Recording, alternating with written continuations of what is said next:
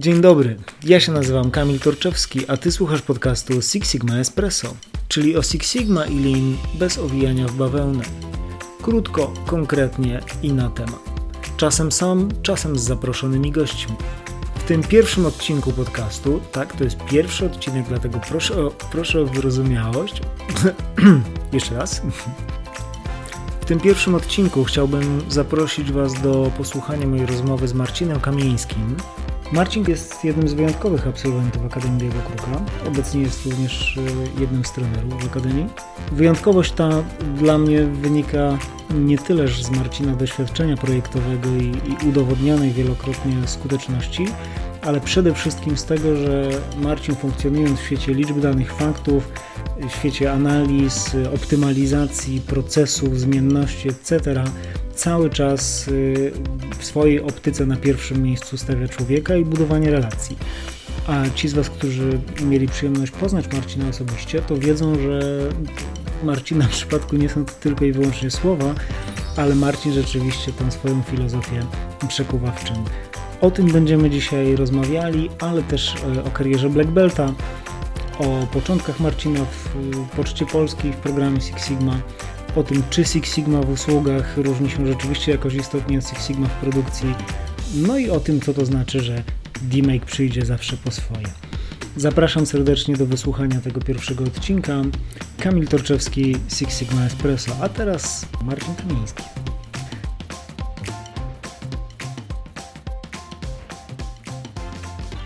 Kiedy poznaliśmy się lata temu, zaczynałeś wówczas swoją karierę na ścieżce Black Belta, wówczas w Poczcie Polskiej. Dzisiaj jesteś już w zupełnie innym miejscu, też Twój zakres obowiązków jest inny, pracujesz w kompanii piwowarskiej. Jakbyś powiedział w dwóch słowach, proszę, czym Ty się dzisiaj zajmujesz, y, kim jesteś zawodowo? W kompanii piwowarskiej zajmuję się opieką nad programem ciągłego doskonalenia w łańcuchu dostaw. On wymaga opieki? E, każdy proces wymaga, wymaga opieki.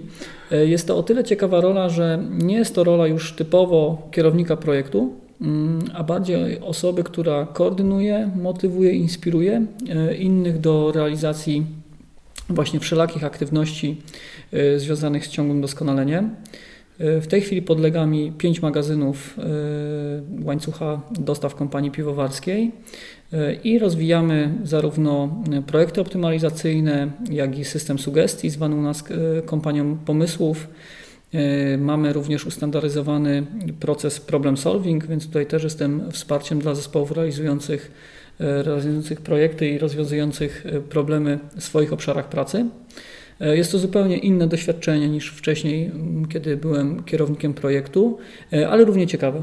Mm, bo jest to połączenie troszkę funkcji mm, trenera e, z taką funkcją koordynatora, e, osoby, która inspiruje, motywuje do, mm, do działania. Więc e, mam mieszankę, mieszankę związaną z dostarczaniem wiedzy, ale również wymyślaniem i, co ważne, możliwością wdrażania nowych, ciekawych inicjatyw w obszarze, który mi podlega. A powiedz proszę, jak Six Sigma pojawiła się w Twoim życiu? Jak to wszystko się zaczęło? Jak to było, kiedy zostałeś Black Beltem? Jeżeli chodzi o Six Sigma, moja przygoda rozpoczęła się w 2009 roku, kiedy zostałem członkiem zespołu projektowego. W Poczcie Polskiej Six Sigma została, została zainicjonowana właśnie szkoleniami z Akademią Białego Kruka i miałem przyjemność realizacji projektu jako członek zespołu. Ze względu na to, że metodyka, podejście do realizacji e, projektu, do rozwiązywania problemów przypadło mi do gustu, mm, zdecydowałem się na wzięcie udziału w rekrutacji do programu Six Sigma. E, I tak jesienią 2009 roku pojawiłem się na pierwszej sesji e, D-Make'owej Define w Warszawie. A z ciekawości, co, co to było takiego, co Ci przypadło do gustu? E, logika działania. Logika działania, e, bazowanie na liczbach danych faktach e, i element śledztwa, który należy w ramach projektu przeprowadzić. To było bardzo ciekawe doświadczenie ze względu na to, że projekt był realizowany również w moim obszarze, więc też jednocześnie byłem i członkiem zespołu projektowego, i osobą, gdzie wdrażane były rozwiązania. Więc z jednej strony miałem olbrzymią chęć wdrażania, Z drugiej strony, jak typ, jako typowa osoba z obszaru, gdzie ktoś grzebie w procesie, e, stawiałem również opór rozwiązaniom, które sam chciałem wdrożyć, więc to bardzo ciekawe e, doświadczenie. Mm, I jeszcze kwestia związana z liczbami, danymi faktami i wnioskowaniem na podstawie tego. pewne dane otworzyły mi oczy, zupełnie inaczej zacząłem, mm, zacząłem patrzeć na procesy, które zarządzam. To były procesy magazynowe związane z rotacją, z rotacją towaru, z wartością sprzedaży. Tak, bardzo ciekawe doświadczenie w formie takiego śledztwa, wdrażania rozwiązań, możliwości też dotknięcia efektów tego projektu. Ten wątek kryminalny się tutaj pojawia cały czas, śledczy. E, powiedziałeś liczby, dane, fakty. To też taka mantra, która Six Sigma towarzyszy. A powiedz, y, nie miałeś takich obaw i, czy też jakichś przekonań na temat tego, że Six Sigma, że to właśnie tam dużo tej statystyki, wnioskowanie statystyczne, analizy. Często się spotykam z tym, że dla wielu osób to jest coś takiego, co powoduje, że gdzieś zaciągają wszystkie hamulce, jak słyszą Six Sigma. W Six Sigmie, w tej metodyce, bazując na liczbach, te liczby muszą się pojawić. Y, ale zawsze jest jakaś granica rozsądku i bazowanie na liczbach danych fakty, faktach powinna się skupiać na tym, co rzeczywiście jest nam e, potrzebne. W przypadku procesów usługowych ta poprzeczka jest postawiona w troszkę innym miejscu, ze względu na to, że, na to, że czasem tych liczb po prostu nie ma. E, więc duży wysiłek zespołu projektowego, lidera zespołu projektowego e, jest włożony również w pozyskanie samych danych ale z drugiej strony y, efekt tego jest spektakularny, bo bardzo często procesy usługowe zarządzane bez liczb y, zupełnie inaczej wyglądają, jak pokaże się je y, w liczbach. Więc no właśnie. jest ciekawe. Właśnie Marcin, bo gro Twojego doświadczenia black beltowego, kiedy już byłeś black beltem, kiedy certyfikowałeś się, prowadziłeś projekty, no miało miejsce właśnie w Poczcie Polskiej tak w firmie stricte usługowej. I to powiedz to, jak to się robi? Co wtedy, jeżeli nie ma liczb, nie ma danych, wszystko jest na, oparte na zdrowym rozsądku, dobrych intencjach, a z tym zdrowym rozsądkiem też różnie podejrzewam. Nie będę tutaj zbyt odkrywczy, jeżeli powiem, że z pomocą przychodzi po prostu DMake. Mhm. E, DMake i faza measure, e, gdzie budujemy system pomiarowy, gdzie weryfikujemy ten system pomiarowy, e, no i wspólnie z zespołem zbieramy dane. Więc nie mówię tutaj o tym, że jest trudniej, jest po prostu inaczej. Mhm. Jeżeli chodzi o procesy usługowe, gdzie ten zespół musi bardzo mocno zaangażować się w kwestię zbierania danych. Mhm. Mm, to jest takie pytanie też, które się często pojawia w świecie Six Sigma, bo jest takie przekonanie, że to jest program, który on jest dedykowany przede wszystkim produkcji, on się wywodzi z produkcji. Natomiast dzisiaj powszechnie używany jest w świecie usług. Jakbyś miał wskazać jakieś takie różnice z Twojej perspektywy, z Twoich doświadczeń pomiędzy Six Sigma właśnie w środowisku produkcyjnym stricte, a środowisku usługowym mm, i sugestie ewentualne, to jak się odnaleźć dobrze w jednym i w drugim miejscu? O czym byś powiedział wówczas? To pierwsza kwestia należy odrzucić status quo związany z tym, że usługa różni się od produkcji. To jest dokładnie taki sam proces. No jak to? tylko, tylko trzeba go po prostu zobaczyć. Y, wpisywanie danych w systemy. Y, Ale Panie Marcinie, my jesteśmy tak specyficzni. Tak. My jesteśmy wyjątkową firmą, a nasze procesy one są jeszcze, jeszcze wyjątkowe w ramach naszej wyjątkowej branży. No nie ma czegoś podobnego do nas. Dokładnie tak i to jest najczęściej to, co słyszy się w obszarach, w których y, chce wdrażać się projekty. Niestety rozczaru, rozczaruje wszystkich y, sponsorów, dla których jest to tarcza. Y, procesy są do siebie bardzo podobne. Mm, na poziomie przynajmniej tej analizy, dochodzenia do przyczyn, do rozwiązań. Jeżeli chodzi o różnice między usługami a e, produkcją, no to jak wspomniałem wcześniej, e, proces pozyskiwania danych w usługach na pewno jest, mm. jest dłuższy. Ale z drugiej strony na to patrząc, nie ma różnic, które, które by negatywnie wpłynęły, wpłynęły na rozwój programu Six Sigma w obszarze usługowym.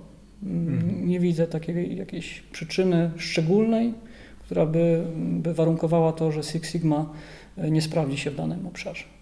Przewagą niewątpliwie procesów produkcyjnych jest to, że tamto zebranie danych jest zazwyczaj dużo prostsze, bo te dane są często zagregowane w jakimś systemie, do którego podłączone są nasze bardzo nowoczesne, skomputeryzowane dzisiaj obrabiarki.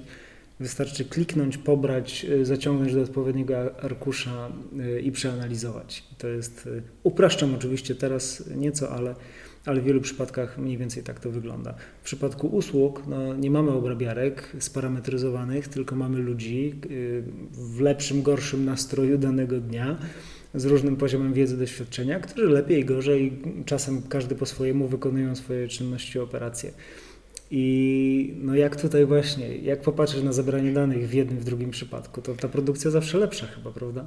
No nie do końca, bo akurat to, że musimy wyjść do tego człowieka, y, musimy poobserwować ten proces, musimy z nim porozmawiać, y, jest na plus, ze względu na to, że mm, w produkcji, kiedy te dane są pozyskiwane za pomocą jednego kliknięcia w, w tysiącach możliwych konfiguracji, y, tygodniowo, miesięcznie, godzinowo, zmianowo, powoduje, że zapominamy właśnie o pójściu do procesu i porozmawianiu z człowiekiem.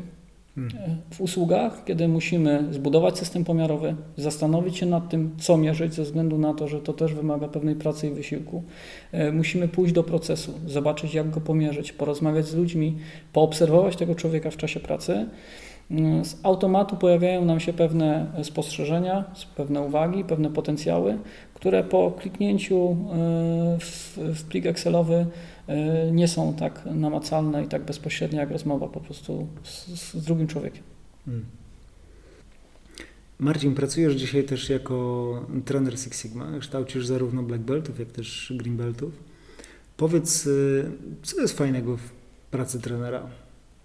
Bo wyglądasz na osobę, która bardzo to lubi. Tak, tak jak cię prawda. spotykam po, po szkoleniach, tak jak dzisiaj na przykład. E, tak. E, Uśmiechnięty, naładowany pozytywną energią. Z bałaganem dużym na sali właśnie po, po zajęciach. Co, co jest takiego właśnie, w tej pracy? Chyba właśnie ten bałagan. E, bałagan tutaj, niestety nasi słuchacze tego nie widzą, ale mamy na stole przykład kolejnego rozwiązania pokajokę wypracowanego przez uczestników.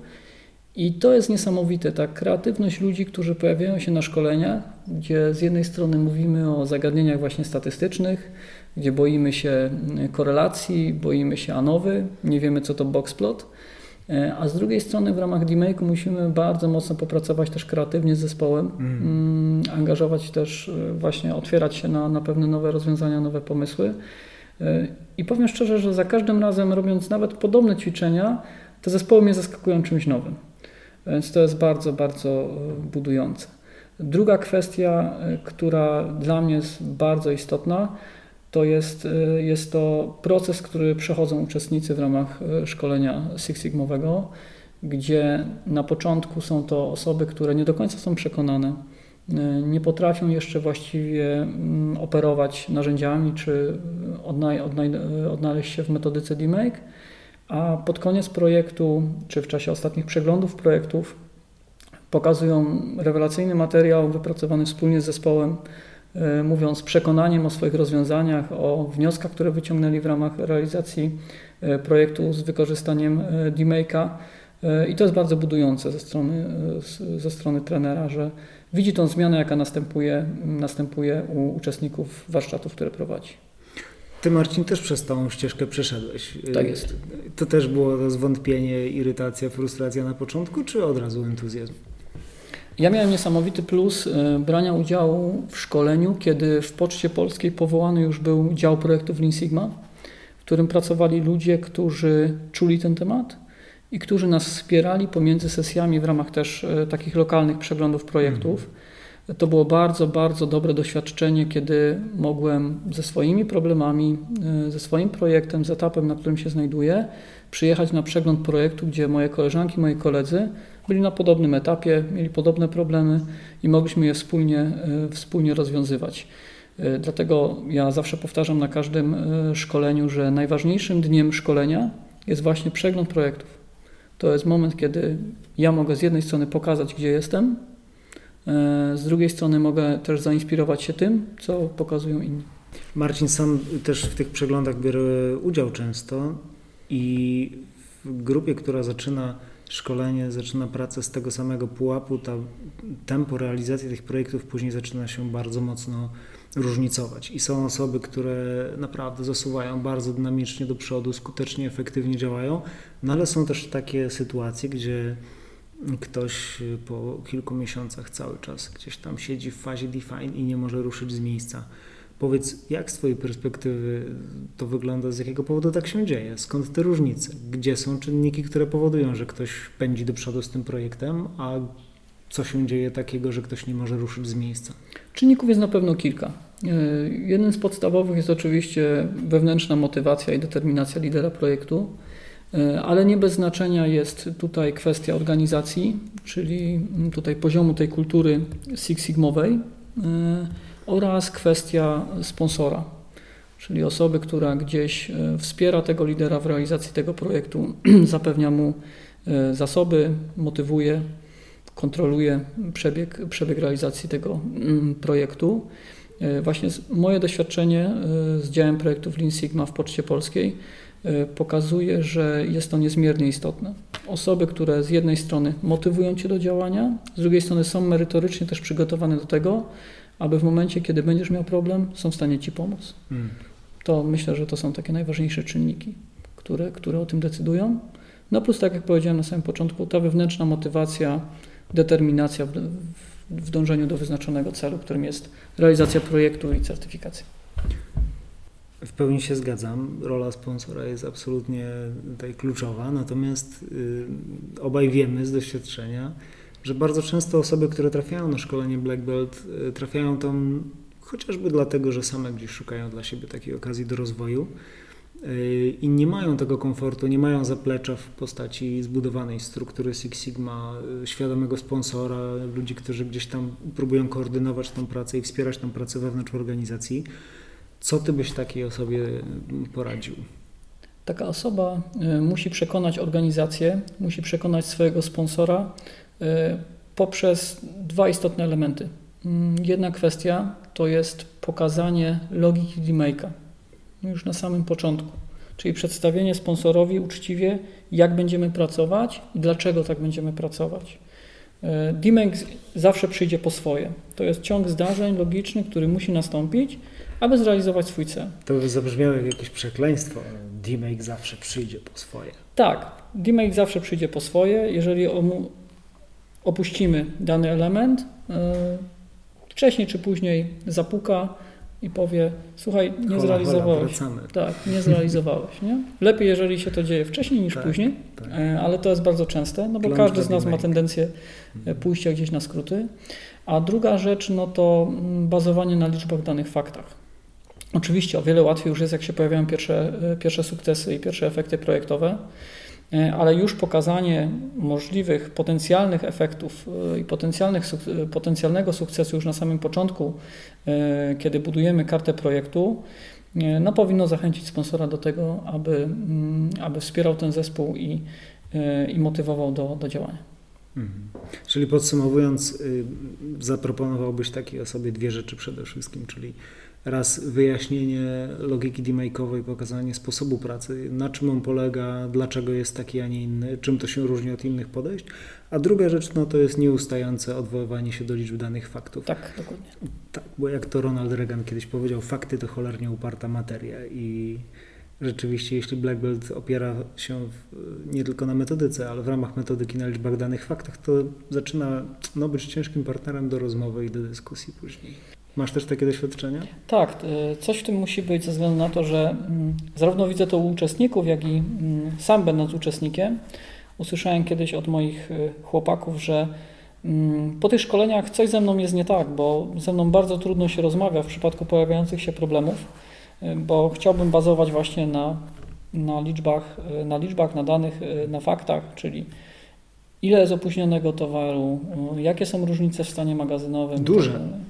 E, właśnie duże, Bardzo czyli od razu pojawia się pytanie, co to znaczy duże, idź, sprawdź. No większe niż liczbą, wczoraj. Przyjdź z liczbą, która, która to, mm, to obrazuje. Więc e, mhm. tak, e, bazowanie na liczbach powoduje to, że część organizacji nas pokocha, ale niestety musimy być świadomi tego, że część organizacji wręcz przeciwnie. Pokusiłbyś się o jakieś liczby dane fakty, czyli jakie są proporcje tutaj tych, którzy kochają i nienawidzą? Nie jestem w stanie. Marcin, gdybyś miał przedstawić trzy rady, czy też trzy takie kwestie, które Twoim zdaniem są bardzo ważne dla osób, które myślą w ogóle o takiej roli wejścia na tą ścieżkę kształcenia i rozwoju, później pracy w charakterze black belta, prowadzenia projektów demake'owych, to co by to było? Takie twoje top 3. Top 3 to przede wszystkim po pierwsze mm, świadomość, że wchodząc to szkolenie, wchodząc w świat e, demake'a, e, to nie jest e, droga usłana różami. Mm, to jest proces, który wymaga bardzo dużo energii, mm, bardzo dużo poświęcenia. To są projekty, które wymagają bardzo dużo skupienia, nauki. To jest pierwsze, co należy sobie uświadomić, chcąc wejść w to szkolenie.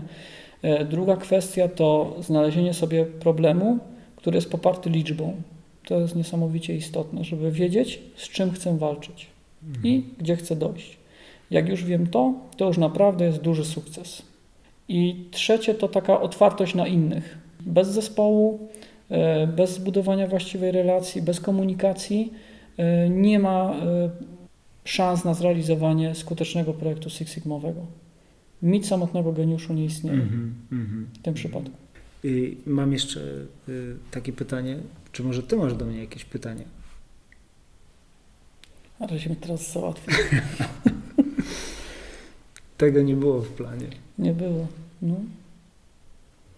Kamil, a jak ty po, z tak długiej perspektywy czasu patrzysz w tej chwili na program Six Sigma? Czy y, na przeglądach jest jeszcze coś, co w ogóle cię zaskakuje? Mm, Nieustająco zaskakuje mnie powtarzalność pewnych zjawisk. To tak paradoksalnie, ale że y, każdy myśli o, o, sobie, czy o swojej firmie, o swoich procesach, jako o czymś szalenie wyjątkowym i o tej unikalnej sytuacji, z którą właśnie się mocuje. No mnie zaskakuje dzisiaj, jeżeli tym bardziej popatrzeć na tą perspektywę czasu od roku 2000 E, w zasadzie trzeciego albo pierwszego, kiedy tym się zajmuję, że to, to wszystko jest jakby cały czas to samo i to są te same problemy, bardzo podobne, podobne zagadnienia i też podobne rozwiązania i to jest jakiś fenomen. Natomiast też e, widzieć to, to jest jedno, ale uświadomić sobie to, to jest druga rzecz i też myślę, że jest ok. Każdy potrzebuje sobie czasem popełnić pewne błędy, przećwiczyć to samodzielnie, samemu wyciągnąć wnioski, one wtedy naprawdę nabierają wartości i wtedy, i wtedy robi się z nich użytek. Tego się czasem po prostu nie da wytłumaczyć. Coś w tym jest, co mówisz, dlatego że bardzo często na przeglądach projektów, patrząc teraz, szukając tego w pamięci, to rzeczywiście, jak się człowiek zastanowi, to mówię teraz już teraz wyłącznie o problemach liderów projektów, mhm. to to jest pewna lista, która jest zamknięta. Bardzo która, jest, tak. która jest zamknięta i, i, każdy z nas boryka się z tym samym e, i każdego z nas, mając na myśli kierowników projektów, liderów projektów, zaskakuje to samo. Hmm. Nawet dzisiaj na warsztacie e, tutaj jeden z uczestników dzielił się tym, że wystarczyło porozmawiać e, z ludźmi z procesu i temat został, sam, został rozwiązany.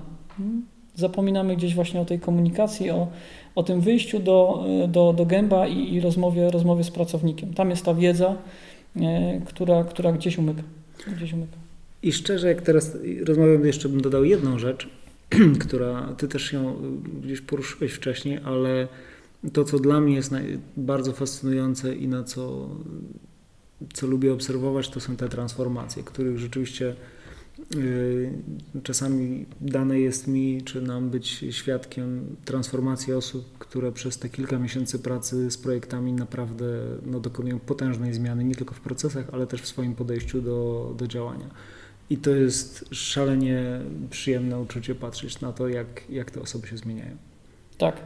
Y, pewnie nie wszyscy są tego świadomi, ale właśnie z jednej strony inwestujemy w organizację poprzez realizację projektów, tak, y, rozwiązywanie problemów biznesowych. E, z drugiej strony bardzo mocno inwestujemy w ludzi. Zgadzam się. Marcin, ostatnie pytanie ode mnie. Powiedz, y, taka osoba, kandydat na Black Belta, jakby miała sobie zadać jedno najważniejsze pytanie, to co to jest za pytanie? Czy mam czas? A poważnie, Wydaje mi się... Ja myślę, że to było na poważnie. tak, w pewnym sensie. Co chciałeś powiedzieć? W pewnym przez... sensie tak. Czy czy jestem gotowy na, na, na duże wyzwanie? Czy jestem gotowy na duże wyzwanie? Bo ta przygoda mm, Six Sigmowa, przygoda Dimelkowa to jest fantastyczna podróż, jeżeli się temu oddam. Mhm. Jeżeli będę to robił na siłę, to nie wyniosę z tego zbyt wiele. To będzie to zawsze takie siłowe. Więc czy jestem gotowy na taką podróż, na takie oddanie się, oddanie się temu, temu tematowi? Tak, wymaga to czasu, determinacji i dużego zaangażowania. Tak. Marcin, bardzo Ci dziękuję za tą rozmowę. Dziękuję bardzo. Pozdrawiam serdecznie. Kamil Turczewski, Marcin Kamiński, Six Sigma Espresso. Dziękuję. A tak żarło. Siedzi dwóch gości, nie? Prowadzi mega inteligentną rozmowę, i o czym rozmawialiśmy? No, dobre, dobre. No.